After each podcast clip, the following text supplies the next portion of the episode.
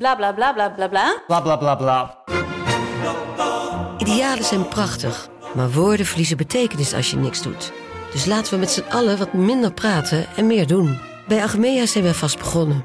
Zo gaan wij voor minder verkeersslachtoffers, gezonde werknemers en duurzame woningen. Waar ga jij voor? Kijk op www.werkenbijagmea.nl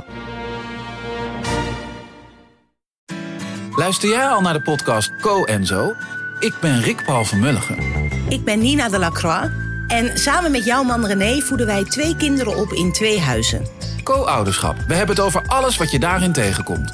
Maar ook over de juice tijdens onze kinderloze dagen, want die heb je ook in het co-ouderschap. Een podcast voor alle ouders in alle vormen, maar ook voor alle mensen zonder kinderen. Zijn we eerlijk, heerlijk herkenbaar. Dus luister naar Co en Zo in je favoriete podcast-app.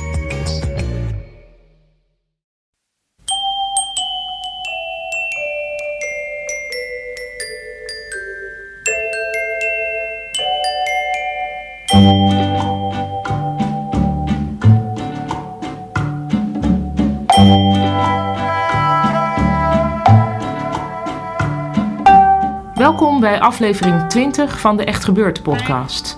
Echt Gebeurd is een maandelijkse middag in Toemler waar mensen waar gebeurde verhalen vertellen die ze zelf hebben meegemaakt. We laten nu een verhaal horen van Esther Gerritsen en het thema van de middag was beesten.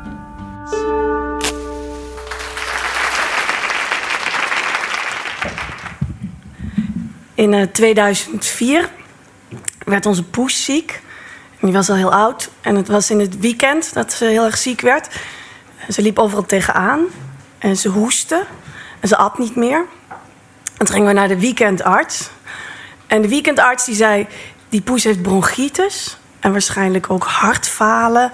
En problemen met zijn nieren. En eh, bronchitis is heel erg, zei die weekendarts. Want dat heb ik zelf ook. Dat is echt heel naar. En daar moeten jullie iets aan doen. En wij zeiden, ja, maar eh, is het niet gewoon eh, eh, dood aan het gaan? Je gaat naar een arts, zei ze, als je, een, een, als je iemand wil laten behandelen. Dus als je hier komt, ja, dan zeg ik wat je moet doen om zo'n dier beter te maken. En ik vond dat, dat liep niet helemaal goed, dat gesprek. Ehm, en we gingen naar huis en dachten, nou, we moeten die poes dus redden. En toen gingen we proberen om de poes te voeren met zo'n spuitje, met eh, vloeibaar voedsel. En dat werd een drama, dat vond ze vreselijk. En, en haar hele gezicht kwam onder voer te zitten. En ze was te ziek om zich te wassen, dus het zag allemaal heel tragisch uit. Op maandag gingen we naar onze eigen huisarts en die zei: Ja, die poes gaat dood. Eh, onze eigen dierenarts. dierenarts. Eh, die poes gaat gewoon dood, die is oud en die is ziek. Ja, dat dachten wij ook al. Ehm, de poes kreeg een spuitje thuis voor de kachel en ging dood. En eh, we wilden natuurlijk niet meteen een andere poes, want de poes is niet te vervangen enzovoort. Maar na twee dagen hadden we muizen. Dus vier dagen nadat de poes dood was, hadden wij een nieuwe poes. Eh, dat was een klein poesje, die haalden we op eh, uit een boerderij in Dalfsen. En die poes ging mee in de auto. En toen ze op schoot zat, in een, in een mandje in de auto op schoot, toen nieste ze. Toen dacht ik, oh god, zal toch niet, hè? En ze kwam thuis en ze at eh, eh, twee brokjes en viel in slaap. En werd niet meer wakker. En eh, nou, die dag.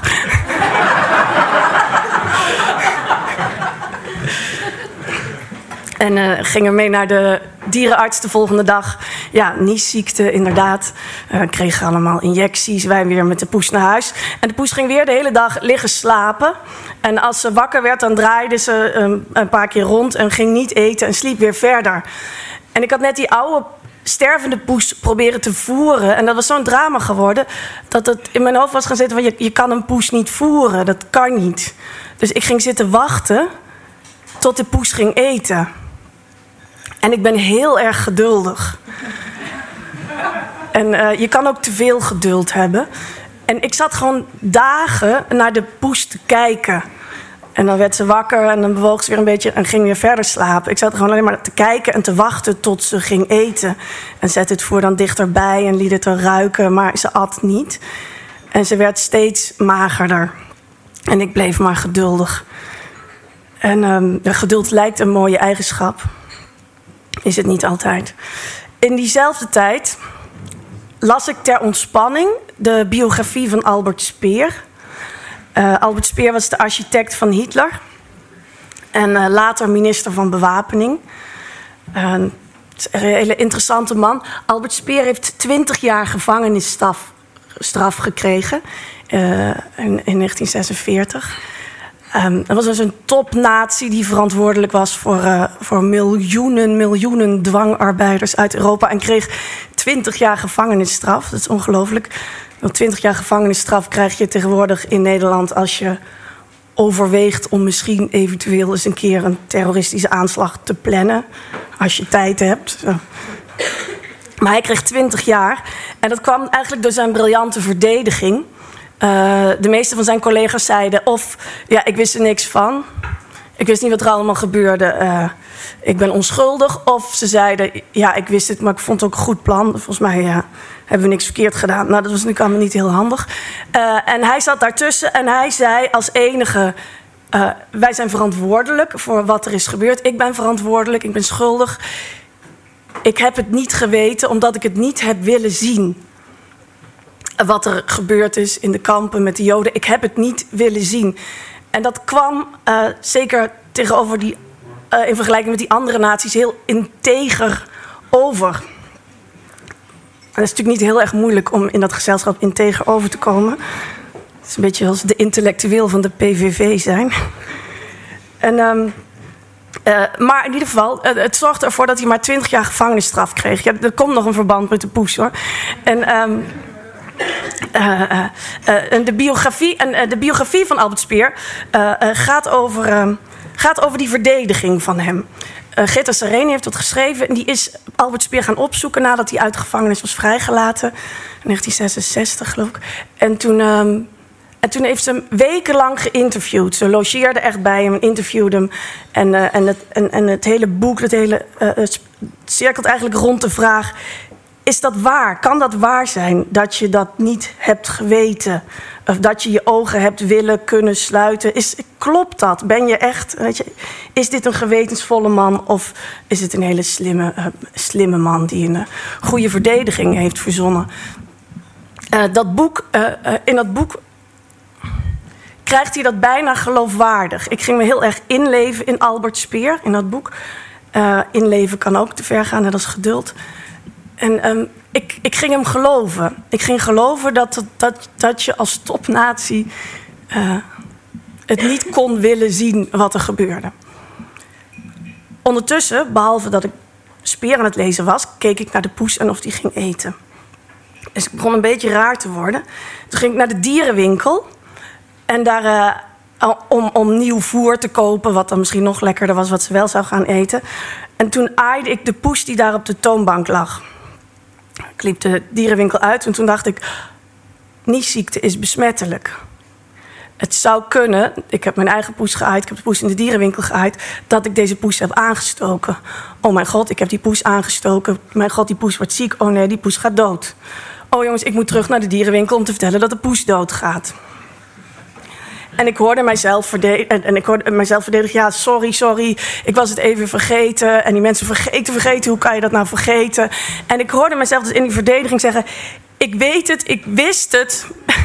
Maar, of ik had het moeten weten dat het niet kon, maar ik, ik, ik wilde het niet weten. Ik heb het niet willen zien. En dacht, oh mijn god, ik ben Albert Speer. En dat liep volledig uit de hand. En die constructie voelde ik ineens bij, bij, bij alles. Er waren ineens heel veel dingen die ik had moeten weten. En na een tijdje werd ik bang voor gaslekken. Omdat ik zelf een gasleiding voor een kachel in huis had laten aanleggen. En ik was heel bang dat het huis zou ontploffen door die gasleiding. En dan was ik niet bang uh, dat ik dood zou gaan. Maar ik was bang dat als ik weg zou zijn, dat het huis zou ontploffen. En dat het door mijn schuld mensen dood zouden gaan. En dan hoorde ik mezelf wel zeggen: Ja, ik, ik wist natuurlijk wel van die gasleiding. En ik heb inderdaad nooit gecontroleerd of er geen lekken in zaten. Nou ja, enzovoort. Ik ben, ik ben gewoon precies zoals Albert Speer. En het werd allemaal steeds erger. En ik durfde niet meer in mijn eigen huis te zijn. Omdat ik dan steeds aan die gaslekken werd herinnerd. Maar als ik uit huis liep, durfde ik niet langs de dierenwinkel te lopen. Dus ik kon geen kant meer op. En. Um, in een verhaal moet de hoofdpersoon dan nu ongeveer tot een inzicht komen. Het liefst door een spectaculaire gebeurtenis, maar wat er in werkelijkheid gebeurde was dat ik verhuisde. eh, weg van de dierenwinkel en naar een huis met centrale verwarming. en, uh, en het inzicht dat het misschien allemaal wat overdreven gedacht was, kwam pas uh, met de jaren. Um, en nooit, nooit heel erg diep. Als ik, als ik zou horen van een uh, ontploffing in Oud-West, zou ik nog steeds in paniek raken. En ik ga ook liever niet meer naar die dierenwinkel. Maar ik heb dit jaar wel weer de biografie van Speer gelezen. Uh, nog één keer, want het is toch een heel interessant boek. Ik dacht, god, ben benieuwd wat het me nu doet. En ik heb me nu uh, minder ingeleefd dit jaar. En dat was eigenlijk veel beter. En toen uiteindelijk heb ik mijzelf uh, gerustgesteld met een oppervlakkigere conclusie. En het was, ja, er zijn uh, mensen die net iets slechter zijn dan andere mensen. En zolang het tegendeel niet bewezen is, ga ik er gewoon vanuit dat ik er niet zo een ben.